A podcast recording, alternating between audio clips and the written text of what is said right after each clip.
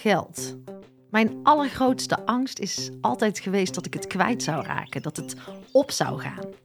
En door die gedachtes van gebrek hield ik mezelf dus klein. En waarom zit er zo'n taboe op geld? Tijd om die relatie met geld eens te onderzoeken. Ja, en dan ontmoet je dus iemand die van financiële overvloed juist het nieuwe normaal wil maken. Dan wordt die interessant. Ik ging in gesprek met mijn eerste gast van seizoen 6, host van de podcast Miljonairsvrouwen, Katrien van de Water. Ik hoorde zo elke maand tegen het eind van de maand mijn vader zeggen: We staan weer in het rood. Mhm. En ik heb toen ook voor mezelf beslist: van dit wil ik zelf later nooit meemaken. Welkom bij Stilstaan met Ankie. Een moment voor jezelf, jouw spiegel. Een plek waar je kan opladen en ontladen.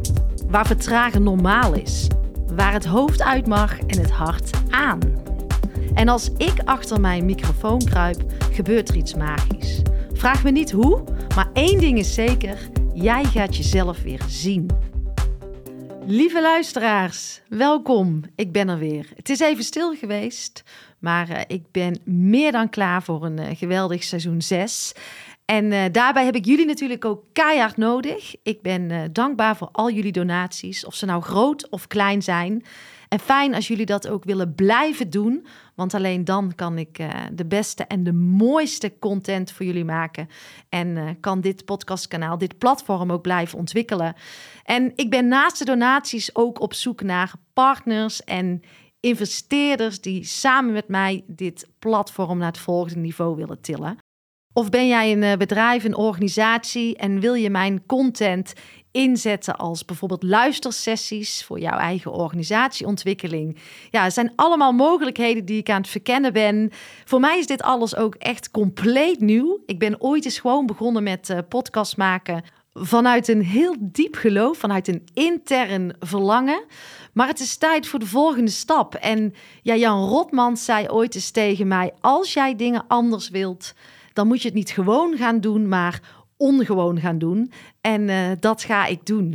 Ja, en wat zie ik dan voor me? Ik zie echt een onafhankelijk platform voor me. Radio en nieuws, maar dan echt anders. Veel meer passend bij deze tijd. Voor positiviteit, hoop, gelijkwaardigheid en vooral ook dat stukje vertrouwen weer terug te geven. En dan vooral die vertrouwen in onszelf, om die potentie in ons weer uh, te ontdekken. Dus jullie hulp en jullie meedenken is uh, meer dan welkom. Heel graag zelfs. In de show notes uh, vind je alle linkjes. En uh, dan komen we vast met elkaar in contact. Dankjewel. En nu door naar mijn eerste gast, Katrien van de Water. Voor mij zit Katrien van de Water. Welkom. Dankjewel, Ankie.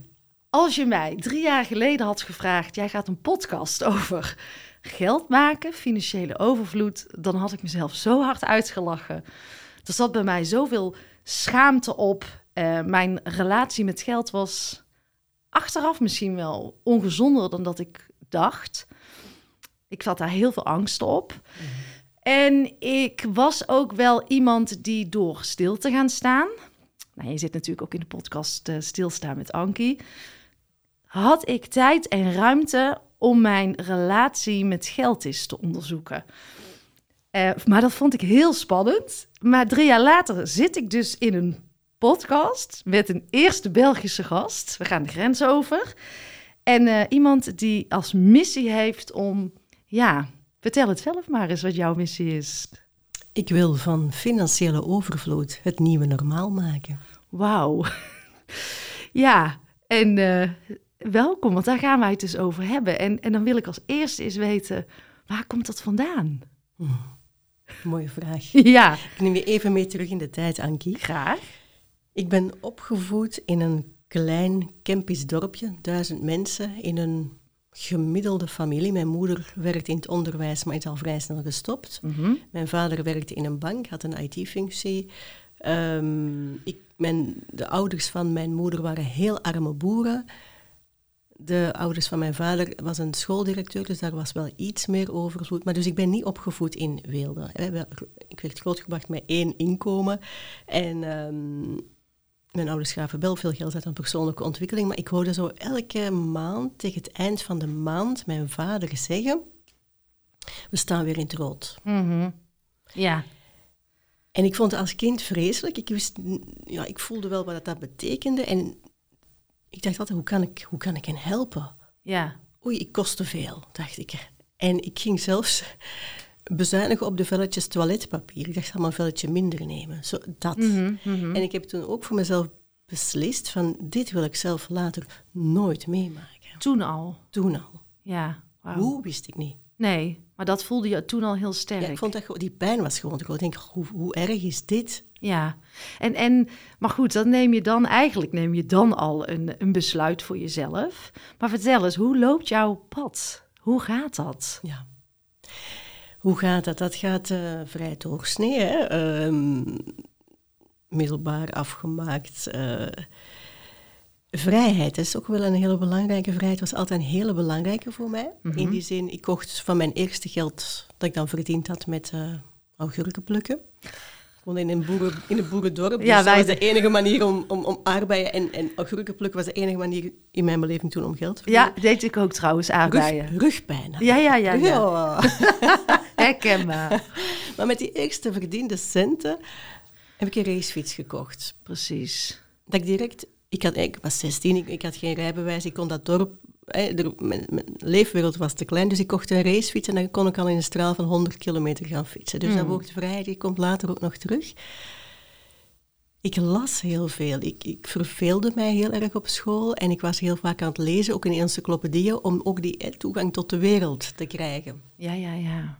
Ik las als kind één boek per dag. Wauw.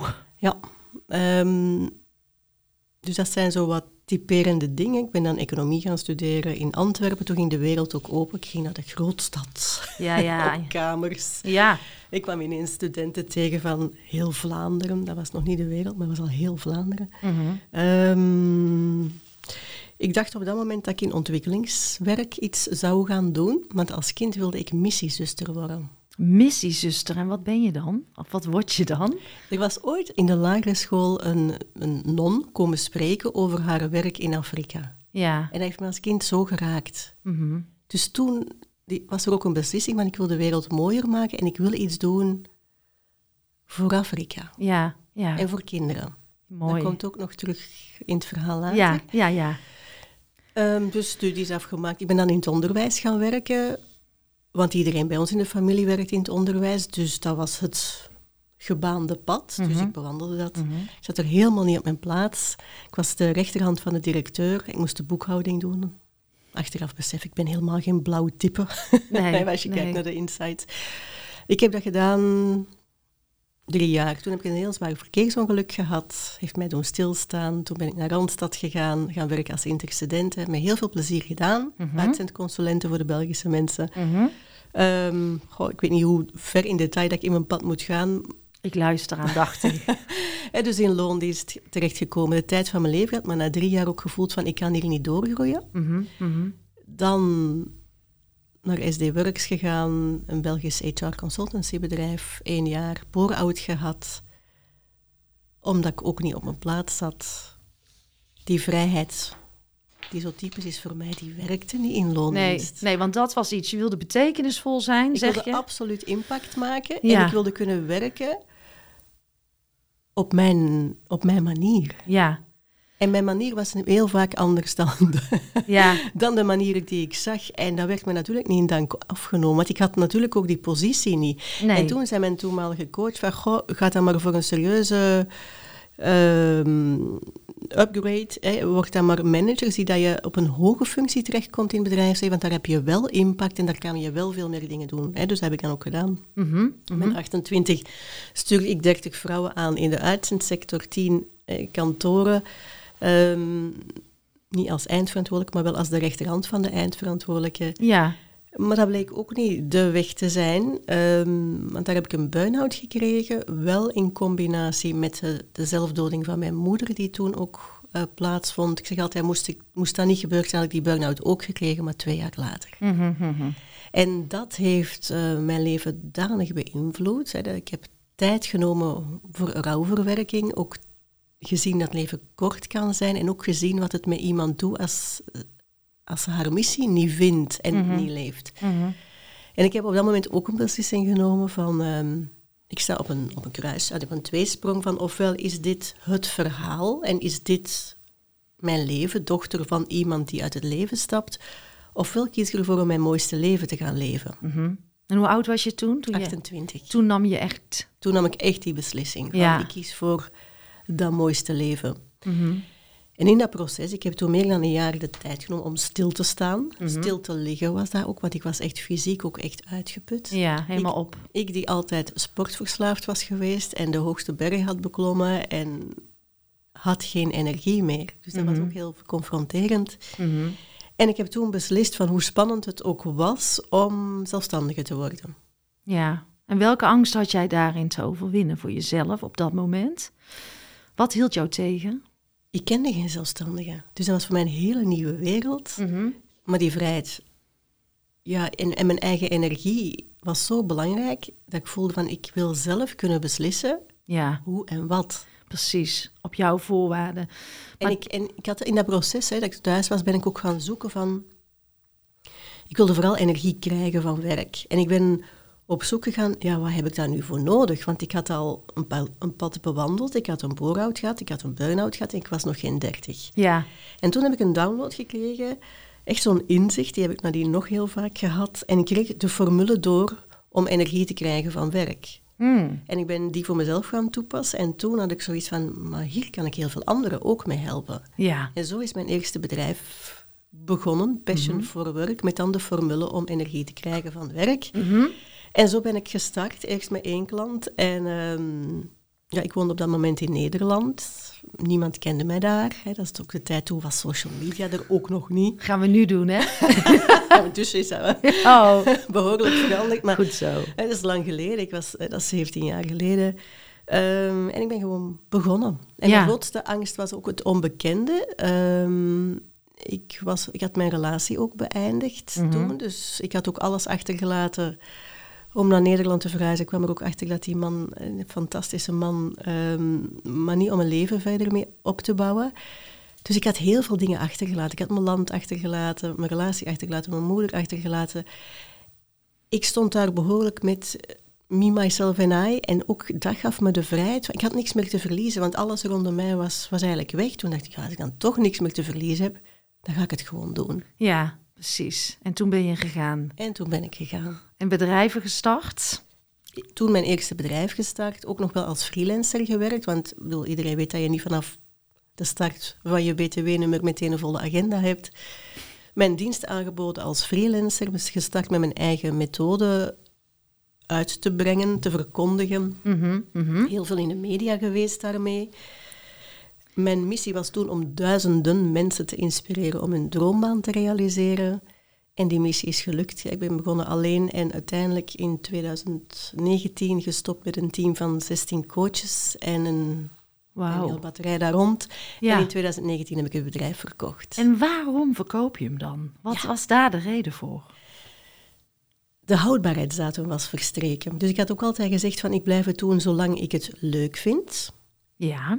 En ik heb dat 13 jaar gedaan. En de laatste jaren ehm, stuurde ik het bedrijf aan vanuit, An- vanuit Andalusië. Dus ik heb drie jaar in Andalusië gewoond, heel hoog in de bergen in een natuurgebied. Want ik ben ook van de overtuiging dat wij hier zijn om al onze dromen te realiseren. Mhm.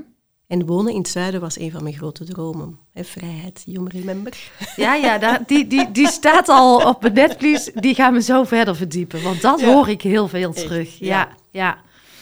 En ik was intussen de 40 gepasseerd. Ik had van nul een miljoenenbedrijf opgebouwd. Ehm, van één op één coach naar een best groot team dat ik dan aanstuurde vanuit Spanje. Ik kwam wel elke maand even terug naar België. Mhm. Heel veel in de media geweest. De begrippen bore-out, burn-out, personal branding, multipotential. Hebben we zo nog? ehm, op de kaart gezet. Want dat zijn nu begrippen die iedereen kent. Maar in die tijd werd daar nog niet over gesproken. HSP was ook zo een hoogbegaafdheid. Dus Ja. ik, heb, ik heb echt eh, de pers Er zijn heel veel artikels over geweest. En dat zijn begrippen die nu common sense geworden Ja. zijn. Hè? Ja. En dat was toen redelijk pionierswerk. Ehm 40 gepasseerd en ik had nog een andere grote droom, dat was om moeder te worden. Mhm. Dus na mijn 40, die man was nog niet in beeld, had ik zoiets van ja, ik ga hier andere pistes moeten bewandelen, want eh, de tijd tikt. Ja. En ehm, ik wist ook al, als ik moeder zou worden, dat ik heel veel tijd met mijn kind zou willen doorbrengen. Mhm. En dat maakte, ik had ook het gevoel van, ik heb alle begrippen die ik kende eh, kenbaar gemaakt. Die zijn de media ingegaan. Ik heb al duizenden mensen met mijn team mogen begeleiden. Qua lifestyle het was toch wel veel stress. Ja. Ja, ja.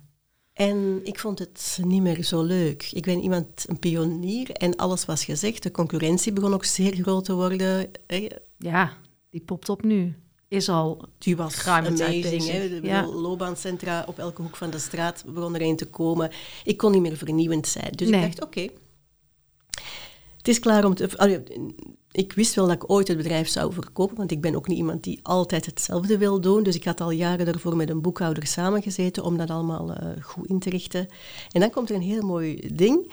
Ehm, ik ben uiteindelijk zwanger geworden via een Spaanse privékliniek en ik zat op een bepaald moment hè, te ontbijten in het hotel in Alicante met zicht op de golfbaan. Ik zie het nog zo voor me. En dat was het moment dat dat embryootje zou ingeplant worden. Dus echt, ik zat daar zo van, dat is een heel speciaal moment. Het laatste moment dat je alleen bent. Hè. Je Ja, gaat er ja, dan ja. vanuit dat dat gaat lukken, wat ook gebeurd is. Hè. Ja. Ehm, en toen ging de telefoon. Net op dat moment. Dus dat is echt divine timing. Ik, ik wilde het net zeggen. Dit is divine timing, ja. En de telefoon ging. En een man aan de andere kant zei, eh, ik ben puntje, puntje, puntje. Ik wist op dat moment, eh, die naam zei me vaag iets, maar ik kon het niet direct plaatsen. Ik ben geïnteresseerd in een acquisitie. Hmm. Wanneer kunnen we elkaar zien? De week nadien zijn wij met elkaar in gesprek gegaan. En dat is ook weer heel mooi. Heel dat proces van die overname heeft negen maanden geduurd.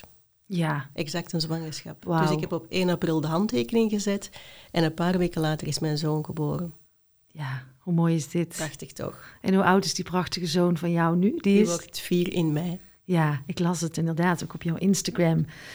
Ja, ik vind het een heel mooi bericht. En het lijkt wel of eh, jouw leven in een soort van synchroniciteit verloopt, in een divine timing. En ik wil toch ook iets vertellen over onze ontmoeting, Yes. hoe dat ging. Eh, Mhm. wij zaten bij een tweedaagse. Waar zaten we? In eh, welk dorp was het? Ik weet het niet eens meer. In België. Het is in België.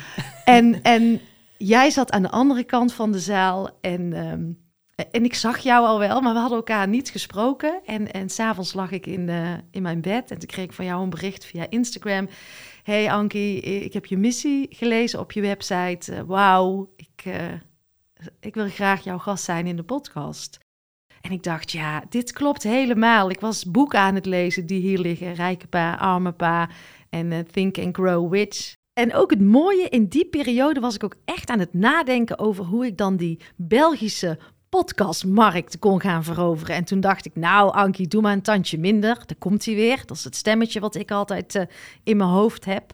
En juist op dat moment kwam jij op mijn pad. En ik was toen ook zo, ik, nou daar ben ik eigenlijk al drie jaar mee bezig, ben ik mijn eigen relatie met geld aan het onderzoeken. Maar ik heb het altijd vies gevonden.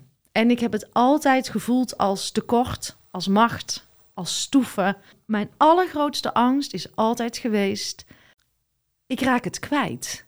En ik denk dat zoveel mensen dit hebben. En daarom vind ik het zo belangrijk dat jij hier voor mij zit. En dat we het samen over gaan praten. Dat, eh, dat je er ook anders naar mag gaan kijken. En dat je er fantastisch mooie dingen mee kan doen. Zonder eh, de planeet ehm, minder duurzaam maken of slechter maken. Of het toe-eigenen als een stukje machtsmiddel. Hoe zie jij dat? Helemaal als tegenovergestelde. In die zin, als je geld hebt, ehm, kan je de wereld mooier maken. Heel veel dingen kan je... Bijna alles is te koop met geld. En dat klinkt nu heel materialistisch, maar dat bedoel ik niet. Maar als je eigen vat ook gevuld is met geld kan je, heel, ja, kan je dat mooiste leven ook makkelijker creëren. Mhm. Ik hoor soms vrouwen met een kinderwens zeggen, ja, die piste van die kliniek bij jou, dat zou ik ook wel willen, maar ik heb geen geld. Dan denk ik, hoe erg is dat? Hè? Mhm, mhm. Dat is maar één voorbeeld. Maar als jouw vat gevuld is, kan je van daaruit ook heel veel geven. Ja. En dan komen we terug bij mijn missiezuster zijn. Ik heb ook gedurende de afgelopen jaren al heel lang een belangrijk deel van de omzet, of soms ook van mijn privévermogen, geschonken aan goede doelen. Ik had zes kinderen in Oeganda waar ik de school, het schoolgeld van betaalde. En Ja. een project in Zuid-Afrika waar dan mensen werden opgeleid eh, die op de straat leefden.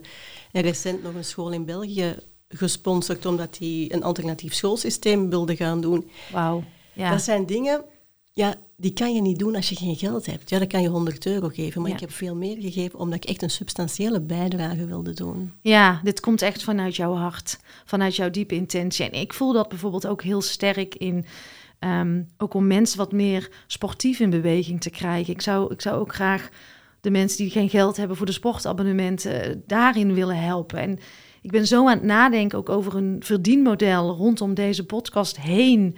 Om vanuit daar mensen in be- beweging te krijgen. Persoonlijk in beweging, maar ook fysiek in beweging. En het wordt zo vaak gezien. wo- Word jij ook wel eens gezien als een ehm, de Wolf of Wall Street? Of eh, komt ze weer aan met haar decadente leven? Ik vraag het maar gewoon. Maar zijn die labels er?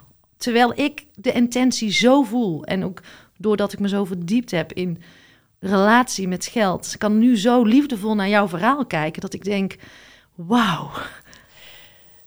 Ehm, dat is ook het mooie eraan. Van, ik kom daar nu wel mee naar buiten dat ik miljonair ben. Hè. Eh, ik heb ik start ook de podcast Miljonairsvrouwen binnenkort, net om, dat, om die missie in de wereld te brengen. Ja, Maar je, zal, je ziet aan mij... Mensen hebben een, een clichébeeld van rijkdom. ja.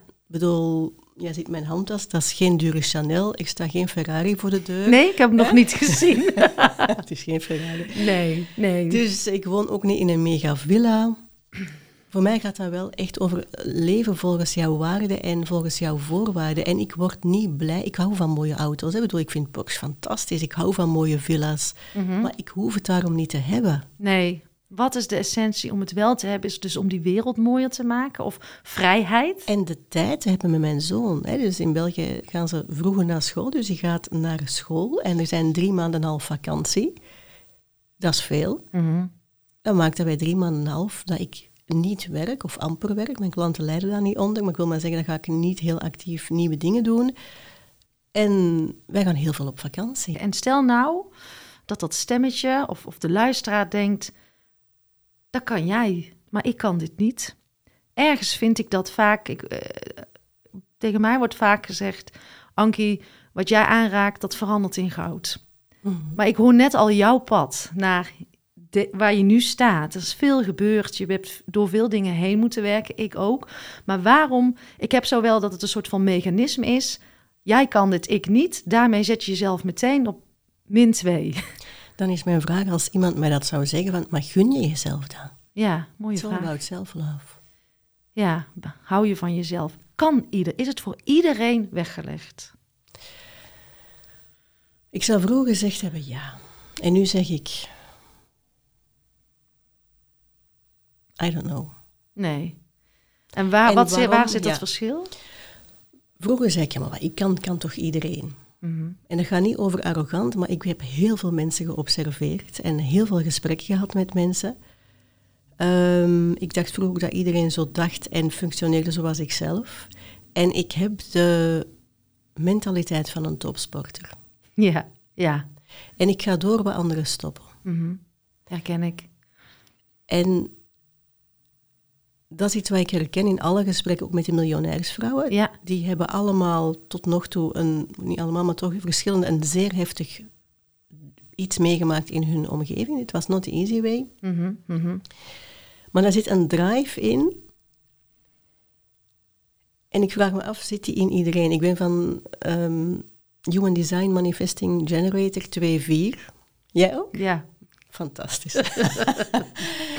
mijn twee vorige business coaches ook. Ehm, mijn coach zegt mij soms, ja, maar jij hebt bepaalde kanalen en die maken het jou wel makkelijker. Ja, Ik denk overigens dat het waar is. Dus ik begin dat ook zo te denken. Dus ik durf niet meer zeggen, het is voor iedereen weggelegd, maar ik nodig mensen wel uit van, resoneert dit? Zit daar een verlangen om dat te voelen? Want dat is, dat is zo cruciaal. Dit is bij mij ook niet vanuit mijn hoofd bedacht. Het gaat bij mij ook echt niet om de miljoenen. Ik ben daar niet in geïnteresseerd.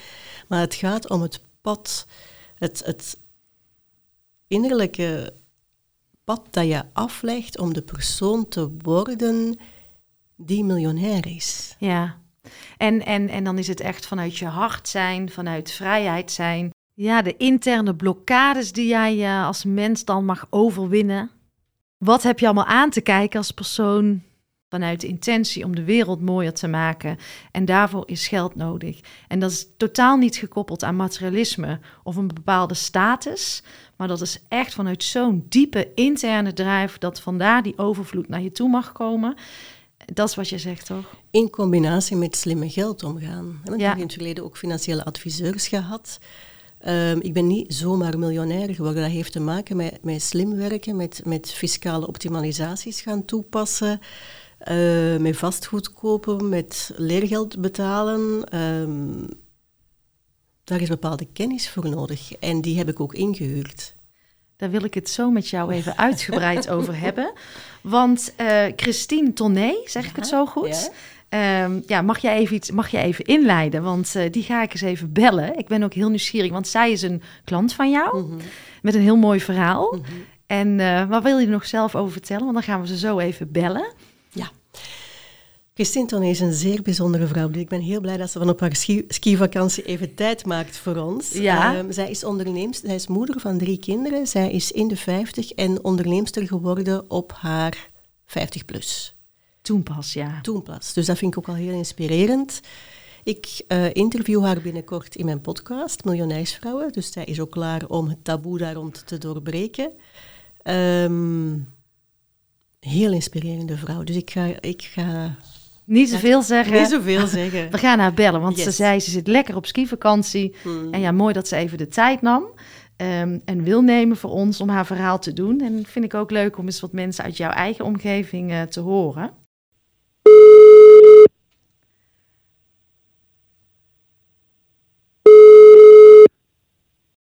Hallo, met Christine. Hallo Christine, met Ankie van de podcast. Ja, hallo, dat kan ik. Ah. Ja, dat, hallo, dat kan ik. Welkom en, en heel fijn dat jij uh, vanuit jouw wintersport even contact met ons wil zoeken. Katrien zit voor mij, dus uh, jullie kunnen ook met elkaar zo in gesprek.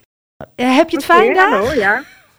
Ja, heel fijn. Ik zit hier met uitzicht op de besneeuwde bergtoppen oh, en de blauwe lucht. Heerlijk. En vertel eens, wie hebben wij in de show? Um, ja, ik ben Christine. Uh, ik ben in de eerste plaats uh, mam, uh, echtgenote en mama van drie uh, volwassen kinderen. En sinds heel kort ook oma.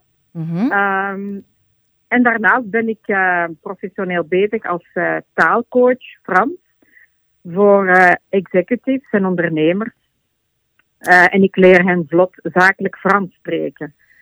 Dus wow. professioneel Frans zodanig dat ze um, ja, helemaal hun echte hun volle potentie ook in het Frans kunnen waarmaken. Ja. Uh, okay. voilà. Daarnaast, ik ben een, een zeer een leergierig, levenslustig, uh, veelzijdig persoon. Um, sensitief, intuïtief, creatief. En um, ja, het is mijn passie om uh, ook mijn volle potentie te leven. Wow. En anderen daarmee te inspireren.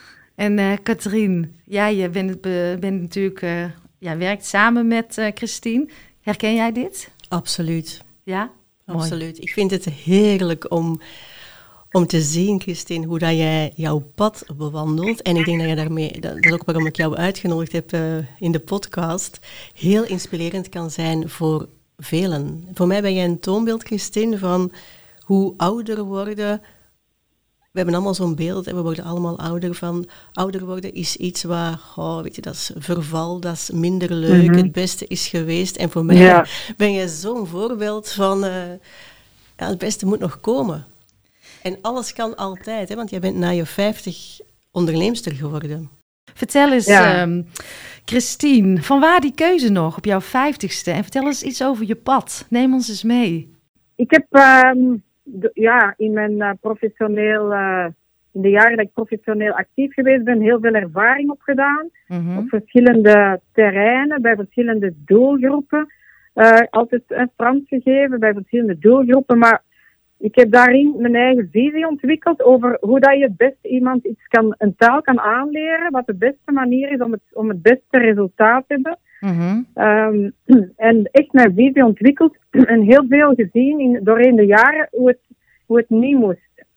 En um, dat heeft echt, um, ja, mijn eigen visie werd op den duur zo sterk dat ik me niet meer kon vinden in, in het pad waar ik, waar ik dat, op dat moment al bezig mee was. Dat was als freelancer in opdracht van, van anderen. Ja. Dat ik echt ja, de zin had om het zelf te gaan doen met een, een, een, duwtje van hier en een duwtje van daar, um, heb ik, had ik dan toch genoeg lef om het, om het te gaan doen. En ik was dan uh, ja, iets meer dan 50 en ik dacht, als ik het wil doen, moet ik het nu doen. Het is nu of nooit. Ja, um, snap ik. En dan ja, dacht ik, voilà, waarom niet? Nu, nu kan ik er nog, uh, nog zeker 15 jaar mee bezig zijn, dat is nog de moeite. Dus waarom? We Ja. zullen het maar proberen, anders zullen we het nooit weten. En, en hoe heeft die keuze jouw leven veranderd? Dat heeft enorm mijn leven veranderd. Ik zeg, we hebben het hier uh, vandaag en gisteren nog net over gehad met uh, de vriendinnen, de familie waar dat we hiermee zijn. Dat ik zo geweldig veranderd ben sinds dat ik uh, ondernemer ben geworden. Wat is het meeste wat in Ehm, jou is veranderd? De grootste verandering maak je door, denk ik, op persoonlijk vlak. Uh, mijn eigen waarde is, is enorm toegenomen. Mijn zelfvertrouwen. Um, ik heb heel veel geleerd over enorm veel uiteenlopende, boeiende dingen. Mhm. Um, ik heb enorm boeiend, ben enorm boeiende mens tegengekomen. Um, zoals Katrien onder, uh, onder andere. Ja. Um, ja, en het is eigenlijk een pad van persoonlijke ontwikkeling. En je leert eigenlijk jezelf heel, heel goed kennen wanneer je onderneemt. Je, je leert je eigen saboterende gedachten. Uh, je komt die allemaal tegen. En daar moet je mee aan de slag als je wilt dat het slaagt. ja, precies. Uh, en dat is zo geweldig boeiend. Uh, en ik heb mij ook enorm geamuseerd. Uh, Mooi om te horen. En, en dus eigenlijk, als ik het een beetje mag samenvatten. Wat ik voel is dat je jezelf als een soort magneet hebt ontwikkeld voor die overvloed uh, die naar jou toe komt vanuit uh, jouw volle potentieel, vanuit jouw hart. Dat, dat dat is gaan stromen. Mag ik dat zo vertellen of zo concluderen? Ah ja, dat is mooi gezegd, als een magneet. Ja, zo hoor ik het. Ik zie gewoon dat jij zo ontwikkelt en dat als alles naar jou toe komt, omdat jij bent gaan staan ja, voor de persoon die jij echt wil zijn. Ja, dat, ja, dat is mooi gezegd. Uh, ja, dat zou wel kunnen. Ja, alles uh, opengezet. Zeg, en merk je ook een goede balans tussen werk en privé, doordat je deze keuze hebt gemaakt? Meer rust in jezelf? Meer rust in mezelf. Omdat ik waarschijnlijk ook, hangt dat samen door het feit dat ik nog meer vervulling heb. Maar als je vervulling ervaart, dan geeft dat ook een zekere rust in je leven. Hè? Absoluut. Um, ik denk dat daar een hele grote ja. schakel zit. En dan even naar Katrien, want die zit voor mij. Wat, uh, Katrien, herken ja. jij dit? Herken jij dit ook, Katrien? In, in Christine bedoel ja, ja, ja. Absoluut, absoluut. En wat ik ook nog, wat nog niet aan bod gekomen is, maar wat ook een hele mooie is, Christine, in jouw verhaal, is dat je echt gekozen hebt. Ik hoorde jou onlangs zeggen, uh, in een, in een uh, training, ja, ik heb mezelf buiten de markt geprijsd. En de moed die je hebt laten zien het afgelopen jaren om echt voor de high-end ondernemen te staan, hè, om te ondernemen volgens jouw waarden van kwaliteit en jouw visie en te werken met topklanten, hè, CEO's, directors, mm -hmm. dat vind ik schitterend. Ja, wauw. Dat je niet voor de gemakkelijkste weg komt. Want er zijn heel veel taalcoaches, maar jij bent wel, je wordt nu ook al in, in Vlaanderen als de referentie gezien, de beste taalcoach Frans. Dus dat jij op vrij korte termijn mm -hmm. jezelf zo gepositioneerd hebt en, en die moedige stap hebt gezet om daar echt voor te staan. Waar moest je doorheen, Christine, om van naar eh, dat niveau door te groeien. En, en wat, he- hoe heeft Katrien jou daarbij geholpen? Ja, dat is een- deel ehm het blijven winnen aan zelfvertrouwen.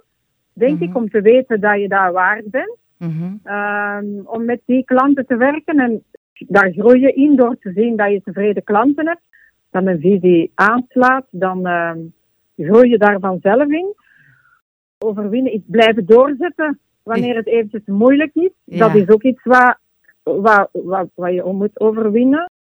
Ik blijf mezelf con- continu in vraag stellen op een moeilijk moment van waarom doe ik wat ik doe? Waarom doe ik dat? Ja, wat drijft mij en waarom doe ik dat? En als ik, dat, ik heb dat heel netjes eh, gedefinieerd. Mhm.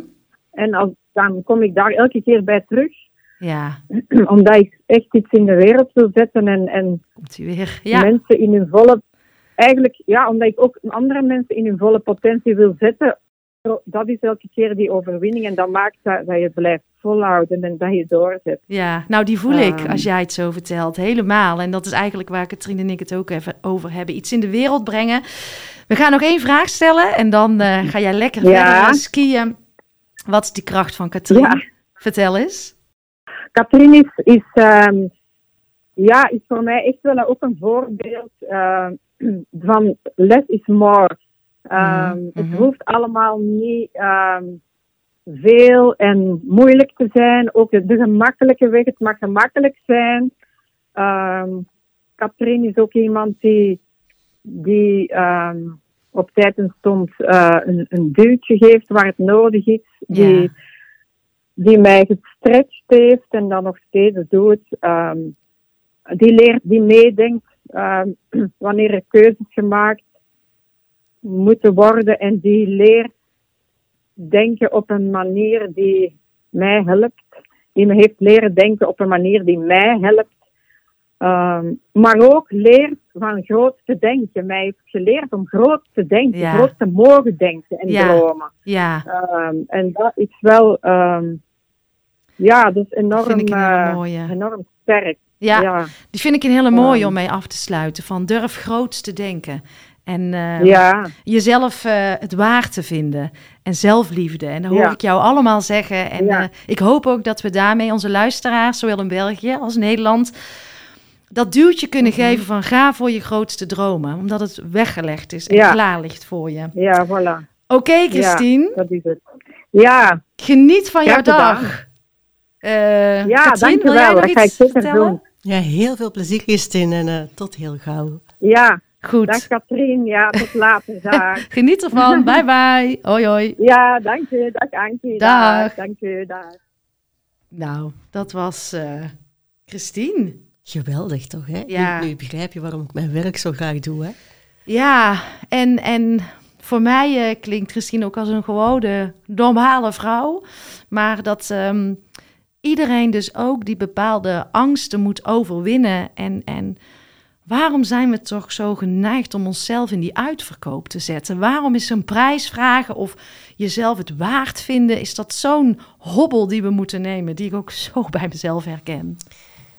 Wil je weten waarom? Ja, heel graag. Ik denk dat daar iets natuurlijks, iets biologisch bijna aan ten grondslag ligt. In die zin zijn wij kuddedieren. Mhm. En we hebben elkaar nodig om te overleven. Dus wat doen wij als we daar niet bewust tegenin gaan, is ons aanpassen zodat we bij die groep horen. Ja, ja, ja. Dus dat vraagt heel veel moed Mhm. om, om het anders te doen. Ja. Ja, die herken ik wel. En dus volgens mij is, is het dat. Ja. Omdat we zo geneigd zijn om, om, om voor die veiligheid binnen de Het groep gaat te echt horen. over, over, over het, het woord veiligheid. En de ergste angst van de meeste mensen is afwijzing. Ja, dan is dat voor ons te pijnlijk om het hoofd boven het maaiveld te steken. Of mogelijk te pijnlijk in onze gedachten, die angst voor afwijzing. Dus dan is het maar lekker veilig Ja, om te doen zoals iedereen. en dat staat ook in het boek eh, Think and Grow Rich. Is de twee grootste angsten van mensen zijn de angst voor armoede. Ik was altijd ook bang dat ik het... Al had ik genoeg, er zat altijd een angst. Ik raak het kwijt. En de tweede angst is angst voor afwijzing, ja. En waardoor we onszelf klein houden. Mhm. En die eerste, van ik raak het kwijt. Wat ik zelf voel en wat ik ook probeer mee te geven aan klanten, is hen zo'n innerlijke kracht te geven. Stel dat ik morgen alles kwijt geraak, ik weet gewoon van in no time bouw ik het terug op, want het zit... Die veiligheid ga je niet in geld leggen, maar in jezelf vinden. Ja, mooi als je daar mensen kan bij uh, begeleiden, want daar zit hij. Wij zijn denk ik geneigd om ons houvast buiten onszelf te zoeken. Ik noem het soms ook wel een gouden kooi, waar je jezelf inzet. En um, als ik maar dit niet meer kan, als ik dat maar niet meer kan. Maar het is allemaal extern. Daarom. En in het ergste geval denk ik nu, ja, dan zouden we dit huis moeten verkopen. En, en ook de verzekeringen zijn zo ingericht. Hè? Als ze je bellen, um, maar stel je voor dat, uh, dat uw man komt te overlijden of je komt thuis te zitten uh, zonder werk. En allemaal ook vanuit dat angst, vanuit tekortkoming, maken wij keuzes, maar niet vanuit overvloed. Mm -hmm. Klopt. ik kom daar zo de laatste tijd steeds meer achter. En zie jij ook veel schaamte? Ik, ik heb ook schaamte gevoeld op geld. Dat Absoluut. ik daar niet over mag praten. Dat is raar. Uh, dat is gek. Absoluut. Het was um, een post van Simone Levy ongeveer een jaar geleden op uh, Instagram, waarin zij mailde of, of postte dat zij geen andere vrouwelijke miljonairs kende dan zichzelf. Mm -hmm. En toen dacht ik, hoe, hoe kan dit? Simone heeft een zeer groot netwerk, gaat om met bekende Nederlandse ondernemers. Hoe kan het dat zij geen vrouwelijke miljonairs kennen? Ja. En toen dacht ik van, ja, maar Simone weet dat van mij ook niet. En ik wist het zelf amper, want het is nooit een doel op zich geweest. Mm -hmm. Ik heb daar nooit zo bijgehouden en te tellen van, ja, we zijn op miljoen en, enzovoort. Maar toen dacht ik, ja, maar Simone weet dat van mij ook niet. En ik had wel een vriendin die ook miljonair was en wij spraken daarover met elkaar, maar daar zat bij alle twee heel veel schaamte op. Ja, ja. En, en, en, waar kwam bij jou die schaamte vandaan dan? Hoe kan je daar iets over vertellen? Um, ik was bang om arrogant te, gevonden te worden. Mm -hmm. Ook om, ja, waarom is dat belangrijk dat de mensen dat weten? Mm -hmm. En waarom moeten ze het weten? Ik was ook bang, hè, want ik ben single. Dat ik denk, als ik daarmee naar buiten kom, dan vind ik helemaal geen man meer. Terwijl er zijn genoeg mannelijke miljonairs. en geld, het maakt, sommige mannen zijn er ook helemaal niet bang voor. Nee. Dus, maar dat was wel een beperkende overtuiging. Ja. Ja, ja, ja, die heel veel mensen hebben, geloof ik. Ik ben overigens geen uh, miljonair, maar ik vind het heel belangrijk om um, mensen uit te nodigen om na te gaan denken over hun relatie met geld. En ik heb uh, drie jaar geleden een brief aan mezelf geschreven alsof het mijn vriend was. En ik weet nog dat daarboven stond: uh, lief geld of hallo geld. Ik ben er klaar mee om altijd te denken dat jij opgaat. En ik verdiende dus uh, tijdens mijn interimperiode best wel veel geld. Mhm. Mm. Alleen ik dacht, ik moet het op de bank zetten. En elke dag, ja, ik zie jou moeilijk kijken. En ik, achteraf denk ik ook, hoe moeilijk. Zat ik in een Excel-bestand altijd maar te rekenen. En nooit na te denken over hoe kun je slim omgaan met geld. Want daar waren we ook voordat we Christine inbelden. Um, ik hield het maar op de bank. Ik ging op vakantie en ik moest sparen. En nu heb ik eigenlijk, toen ik het roer heb omgegooid, geen rode rotcent. En durf ik alles te investe investeren. En denk ik, het is vanuit mijn hart. Het komt goed. Mhm. Mm -hmm. Ik ga voor mijn grootste dromen. Ik ga ervoor. En ik geloof dat het ook naar mij toe komt. Als ik het maar gewoon bij mijn hart blijf. En er wel, denk ik, zoals jij instaat, vanuit dat verlangen. Uh, heel graag iets willen. Um, de wereld mooier willen maken. En vanuit daar ben ik dus opnieuw vertrokken. Vanuit mm. dat stukje zingeving. Mm. Maar wat is, wat jij zegt, uh, slim met geld omgaan? Wat moeten we leren? Wat moeten onze kinderen leren? Ja, het boek ligt hier hè, uh, van Rijke Pa, Arme Pa van Kiyosaki. Ik heb dat boek uh, 18 jaar geleden gelezen. Ik weet nog goed, ik zat op de bank in mijn flat in Maastricht. Ik was net zelfstandige geworden. En ik las dat boek en er ging een wereld voor me open. Ja. Want ik kende geen ondernemers, dus dat was heel verfrissend. Ik heb economie gestudeerd, maar dat zijn professoren, dat zijn niet... Die wereld die in dat boek beschreven wordt, die, die kende ik niet. Dus mm -hmm. ik dacht, ah, er bestaat dus nog iets helemaal anders. Ja. Ja. Dus dat was echt een eye-opener. Anderzijds was het ook voor mij frustrerend, want het was voor mij... Ja, er was een kloof tussen waar ik op dat moment stond en dan die nieuwe wereld. En ik wist op dat moment niet goed... Er staan wel praktische tips in, maar die waren voor mij nog een stukje ver van mijn bed. Mm -hmm, mm -hmm. Ik, ken, ik, kende, ik kende die wereld niet. Nee, nee. Dus ik heb dat dan even laten sudderen.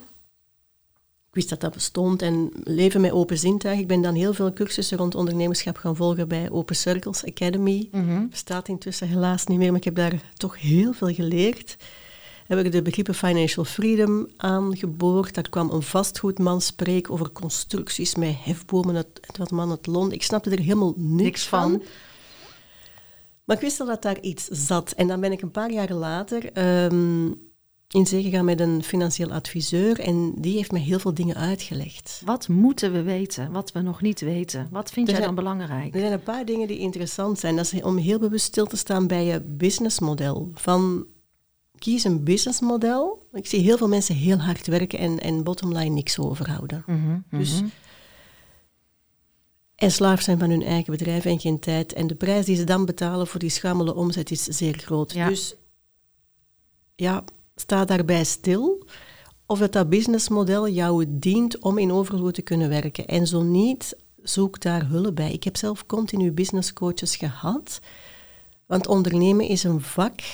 En dat is geen kwestie van genen of geluk. Mhm. Dus dat is al één ding. En dan, dat geld, als je dat dan verdient, als die omzet dan binnenkomt, ja, dat is zakelijk geld. Hoe ga je daarmee om? Ja, dat, ja. Ik heb twee fiscale constructies toegepast, die helaas, in België zijn ze ook alles aan het hervormen, het moeilijker aan het ma- maken.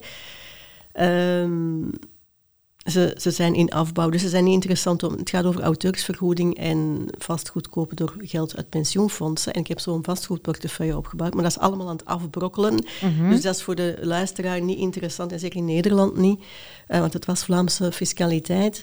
Maar er is wel heel veel mogelijk. Mhm. Dus ik ben mij gaan verdiepen in crypto. Ik heb een vastgoed, ik heb vijf appartementen die ik verhuur. Dus er is ook een heel Ja, stuk. Ik heb een bedrijf verkocht en mensen denken vaak van, ah, daar ben jij miljonair door geworden. Dat is het niet. Het is Nee. de combinatie van die fiscale maatregelen daarvoor al te doen. En, en het, is, het is een combinatie van dingen. ja, en dat is ook wel wat in Rijke Pa, Arme Pa. Ik heb het overigens niet 18 jaar geleden, maar vier maanden geleden gelezen. Is dat je eigenlijk ook inderdaad je activa kant moet gaan verhogen. En ehm, wat hebben wij geleerd? Zet het geld maar op de bank. En ja, ik geloof dat het, als ik Christine ook hoor, als je 50 bent, het is nooit te laat om, om dingen anders te gaan bekijken. Maar ik heb zo'n andere mindset gekregen eh na de relatie met geld, dat ik denk, ja, je kunt ook met geld geld, maken. Absoluut. En waarom hebben we dat nooit goed geleerd? Eh, eh, ook, je hebt ook je, eh, nog een jonge zoon, die begint, gaat pas beginnen op, het, eh, op school. Het zijn belangrijke vaardigheden en skills toch, die we nodig hebben. Hoe kijk jij daarnaar? Absoluut, maar ik, neem, ik, vind, ik heb ontzettend veel respect voor leerkrachten. Echt giga veel respect. Ik vind dat een zware, ondergewaardeerde job. Mooi dat je dat zegt. Ehm, maar we mogen niet alle verantwoordelijkheid bij die leerkrachten leggen, want die hebben Eens. ook maar hun model of the world. En die kennis van die rijke pa, arme pa, hoe dat het ook draait of keert, als ondernemer heb je veel meer vrijheidsgraden. En die leerkrachten die zijn bezig met dagelijks te zorgen voor die kinderen, die zijn hier helemaal niet mee bezig. En je kan ook maar dingen doorgeven als je ze zelf geleefd hebt, Ja, als je ja, ze ja. zelf toepast. Dus ik verwacht dan niet van de... Ik verwacht dat helemaal niet van de, van de leerkrachten. Laat het wij het bij onszelf houden. Als ouder Ja, laten wij het voorleven. Want als ik nu zie welke kansen dat mijn zoon krijgt en waar dat die komt en wie dat die ontmoet, ja, dat, die omgeving, en dat gaat niet over super deluxe dingen, Nee, maar, nee, nee. maar daar ligt een kind veel meer van dan dat hij dat op school hoort. Ja, voor mij sla jij hier de spijker op zijn kop. En dan hebben we het even als moeders eh, eh, met elkaar hierover. Ook hier zijn wij zo geneigd om het houvast buiten onszelf te leggen, te wijzen. De docenten eh, lopen al over, ze hebben het hartstikke druk. Wij hebben als ouder een verantwoordelijkheid, ook voor de nieuwe generatie. En ik denk, als je het over een systeemwijziging hebt, dan is het, wij als ouder hebben daar een enorm grote Be rol in. change you want to see in the world. Ja. En een kind neemt zoveel op van zijn omgeving. Ja, Ik geloof zelfs niet, stel een kind in absolute armoede zou op... Er, er is altijd een mogelijkheid, hè, maar ik bedoel... Als, er, als die moeder een money mindset heeft die niet dient...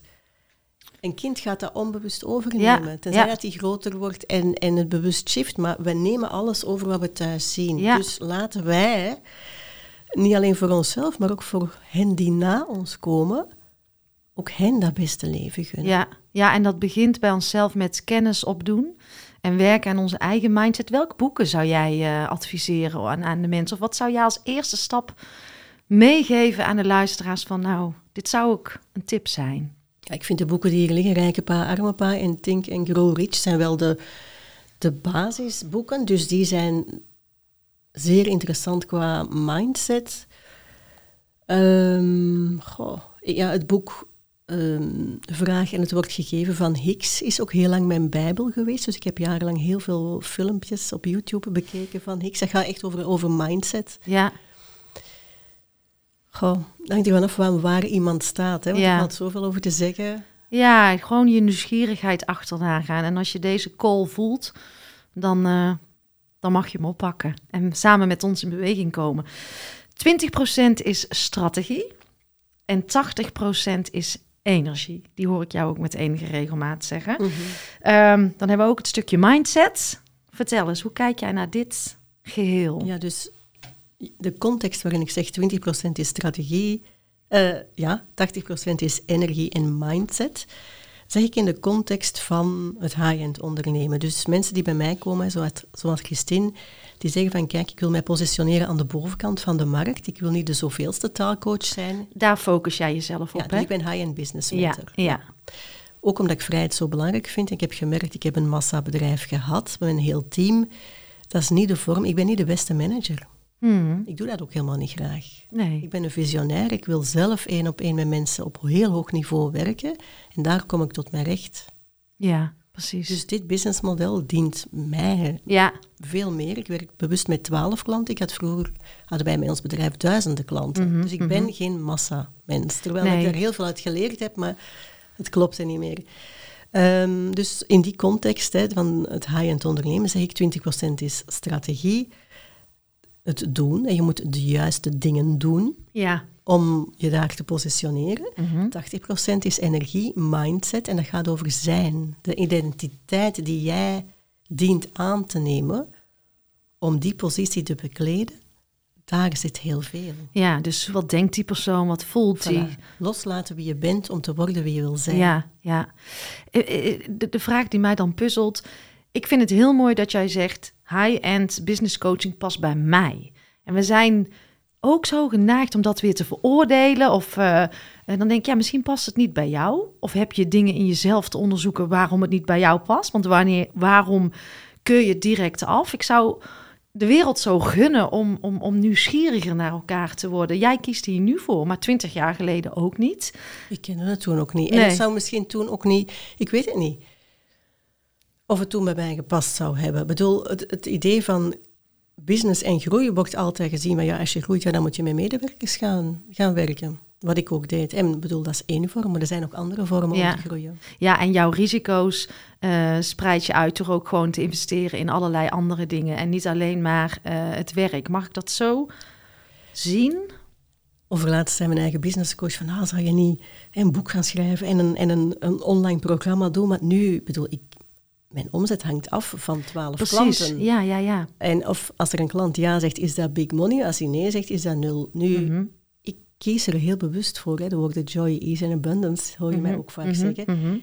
Ik kies voor overvloed. Dat wil zeggen, ik denk niet in risico's. Ik weet dat ik nodig mensen ook energetisch uit in mijn veld en ik weet dat die klanten komen, hoe dan ook. Ja. Dus die, die kracht zit in mij. Ik ga niet uit angst online programma's bedenken. Ik heb er ook helemaal niks van mee. Dat zijn energielekken. Ik hou er niet van. Ik kies er niet voor. Dus ik kies echt voor, ja, voor overvloed. En Geloof, heb vertrouwen. en heb ik die, die bronnen van inkomsten hè, daarnaast ook nog uit zekerheid? Ik bedoel, ik zit niet in de zee. Die zekerheid zit in mij. Ik vind dit zo mooi. Want dit is wel een antwoord uh, wat kracht heeft. En dan denk je dus niet vanuit risico's, gebrek, tekortkoming en weer allerlei uh, spreiden, zoals we het altijd hebben geleerd. Maar uh, vanuit je eigen kracht en geloof en vertrouwen en vanuit daar, van echt van binnen naar buiten. Ik zeg altijd, je energie gaat eerst, je bedrijf volgt. Dus ga vooral, en dit is mijn vorm, ga vooral zelf voelen van welke vorm dient jou. En ja. als, je, als, als je kiest van het overvloed, wat past er dan bij dat mooiste leven? Ja, en toch, we gaan nog heel even, want wij zijn alweer 55 minuten lekker aan het uh, kletsen. Ehm, vrijheid wil ik Mhm. nog even, want daar begon, jij, eh, daar begon jij heel sterk mee. Wat is voor jou die ultieme vrijheid? Leven en werken volgens jouw waarden en voorwaarden. Ja, en dat leef jij volgens mij helemaal. Helemaal. En ehm, binnenkort komt jouw podcast. Staat die al live? Komt die live? Die staat een van de. Het staat normaal gezien volgende week gaat hij live staan. nou, volgens mij gaan we dan samen naar buiten volgende week. Ah, leuk. Ehm, wat, je hebt nu een aantal vrouwen gesproken. Mhm. Wat valt jou het meest op in de gesprekken?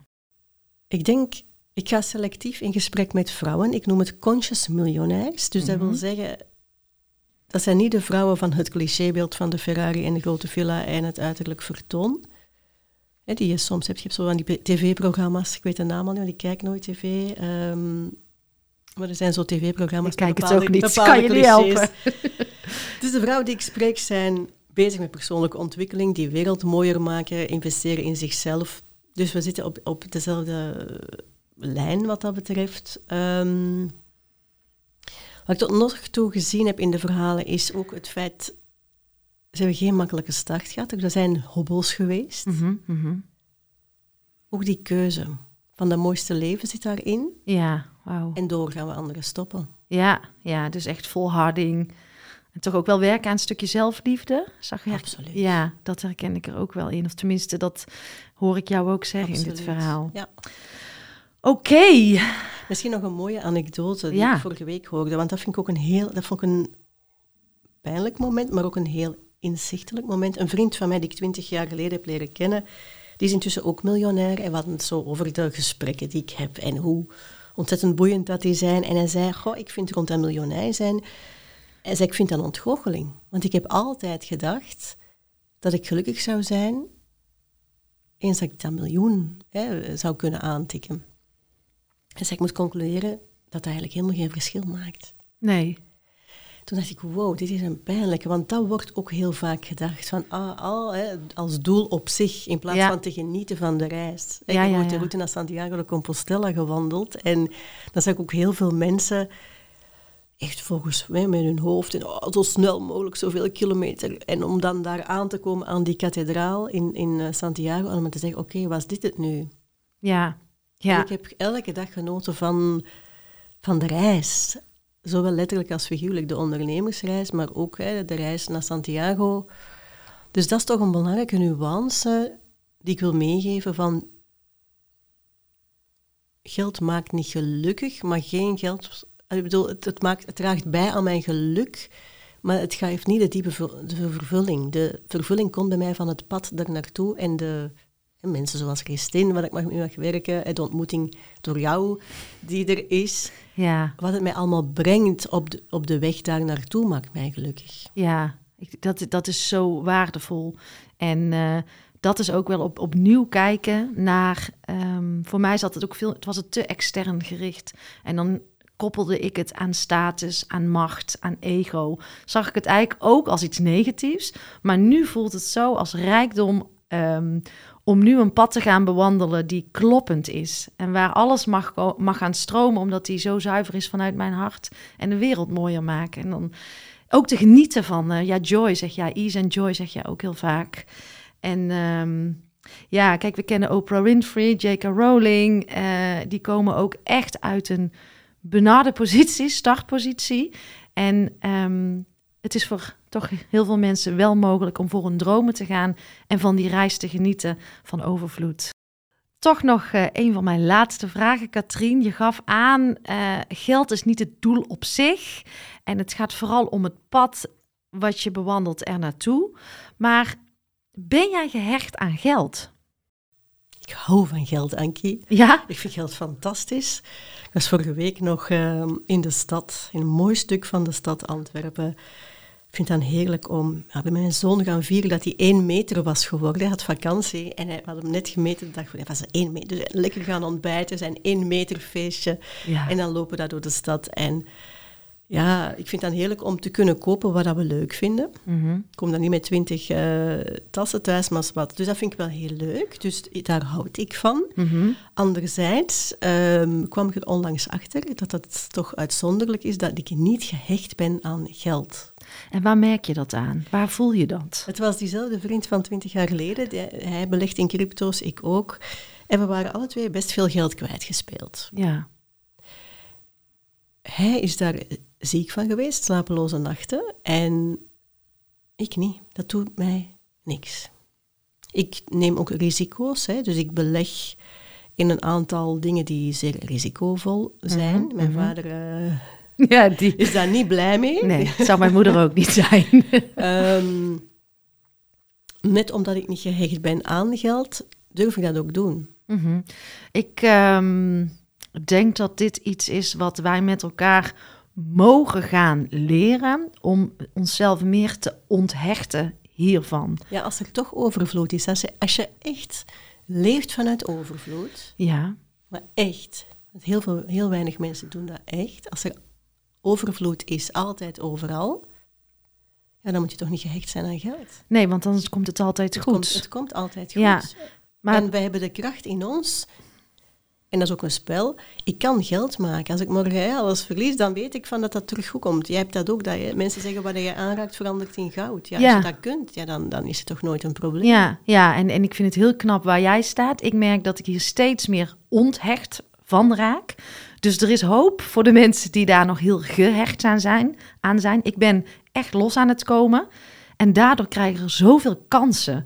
En, en om dat pad van je hart te gaan bewandelen. Dus ik vind het wel mooi. Maar jij hebt dus echt geen hechting aan materialisme. Terwijl je het wel hebt en ervan geniet. Ik ga een heel mooi voorbeeld geven. Zondag ehm, was ik op stap met mijn zoon in de waterbus. En eh, ik had een portemonneetje bij, er zat ongeveer 35 euro in. Maar dat portemonneetje heb ik ooit gekocht in een prachtig plekje in de buurt van eh Cadiz. Ja, En ik vond dat een heel mooi portemonneetje. Ik heb er ook een heel dierbaar verhaal bij. Ik was met mijn vriendin daar, dat winkeltje. Het is een mooi portemonneetje, het is vakmanschap. En ik speelde dus mijn portemonneetje kwijt met mijn 35 euro. Die 35 euro, dat doet me helemaal niks. je raakt het kwijt. Ik ben het kwijt, ik ben het vergeten. Oh, op de bus, wauw. op de waterbus. Ik ben meer gehecht aan dat portemonneetje met dat verhaal. Mhm. Die 35 euro, I don't care. Nee. En dat portemonneetje, ook daar heb ik losgelaten. denk oké, weet ik heb alles gedaan wat ik kon doen om het terug te krijgen. Een paar dagen later, ik heb het nog niet terug. Maar dat deed mij wel iets. Mhm. Dus ik ben, moet dan emotioneel Gehecht. gehecht Ja. zijn aan. Ja. Dus dat voelde ik wel van, daar ben ik nog niet aan onthecht. Ik dacht net vanmorgen, ik heb al een paar dagen niet meer aan het portemonneetje gedacht. Oh. Dat mensen vragen me, heb je het al terug? Dus ik heb het nog niet terug. Nee. Ehm, en ik, ik vraag nu gewoon aan het universum dat er een ander mooi portemonneetje op mijn pad mag komen. Mhm. Maar meer dus aan de waarde en de- aan de emotionele binding Mhm. dan dat jij echt gehecht bent aan geld. En dat geeft jou waarschijnlijk heel veel vrijheid, heel veel onafhankelijkheid en tegelijkertijd fantastisch veel overvloed. Mhm. Ja, mooi. En eh, daar hoor je ook heel vaak het woord dankbaarheid. En eh, ik vind het zo fijn om ook over dankbaarheid voor mezelf op te schrijven. Waar ben ik dankbaar voor? Dan trilt ook hoog en is ook een vorm van liefde. Maar hoe kijk jij naar dankbaarheid? En tegelijkertijd hoor je op de achtergrond eh, het knippen van de fotograaf. Maar hoe kijk jij naar dankbaarheid?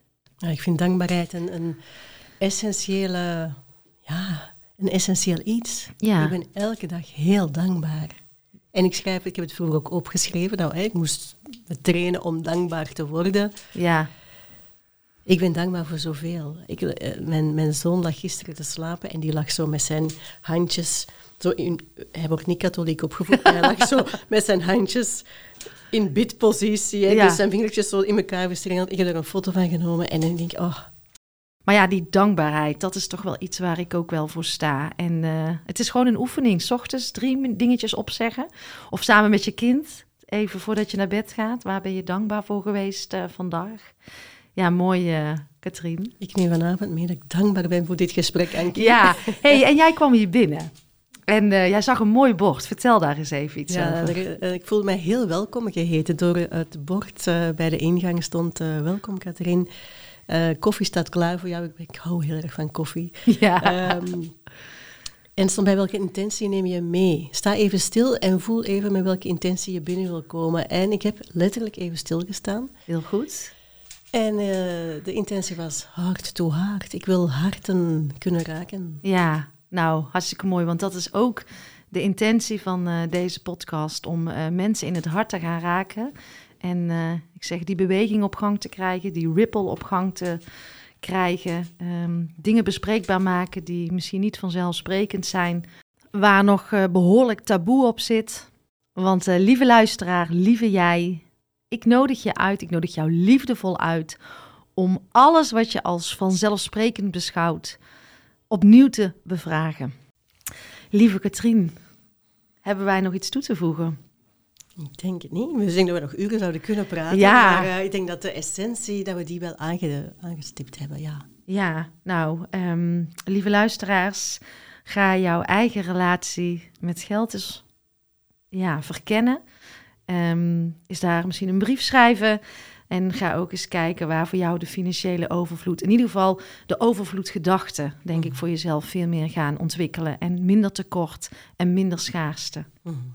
Dankjewel. Hoe is jouw relatie met geld? Voel jij jezelf onafhankelijk en vrij? Durf je groots te dromen of houd je jezelf juist klein?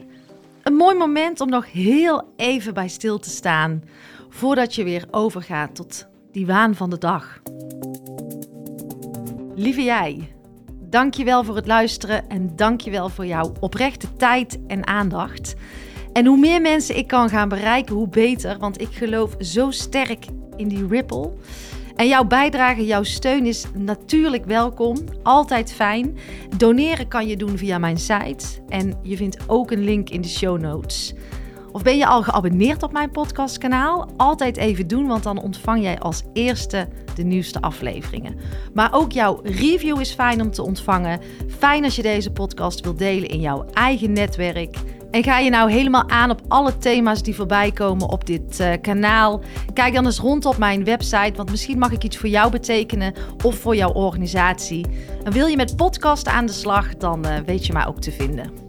Op mijn website www.ankievansteen.nl ga je alles vinden over mijn aanbod en ik zou het leuk vinden om een keertje kennis te maken. Tot de volgende podcast.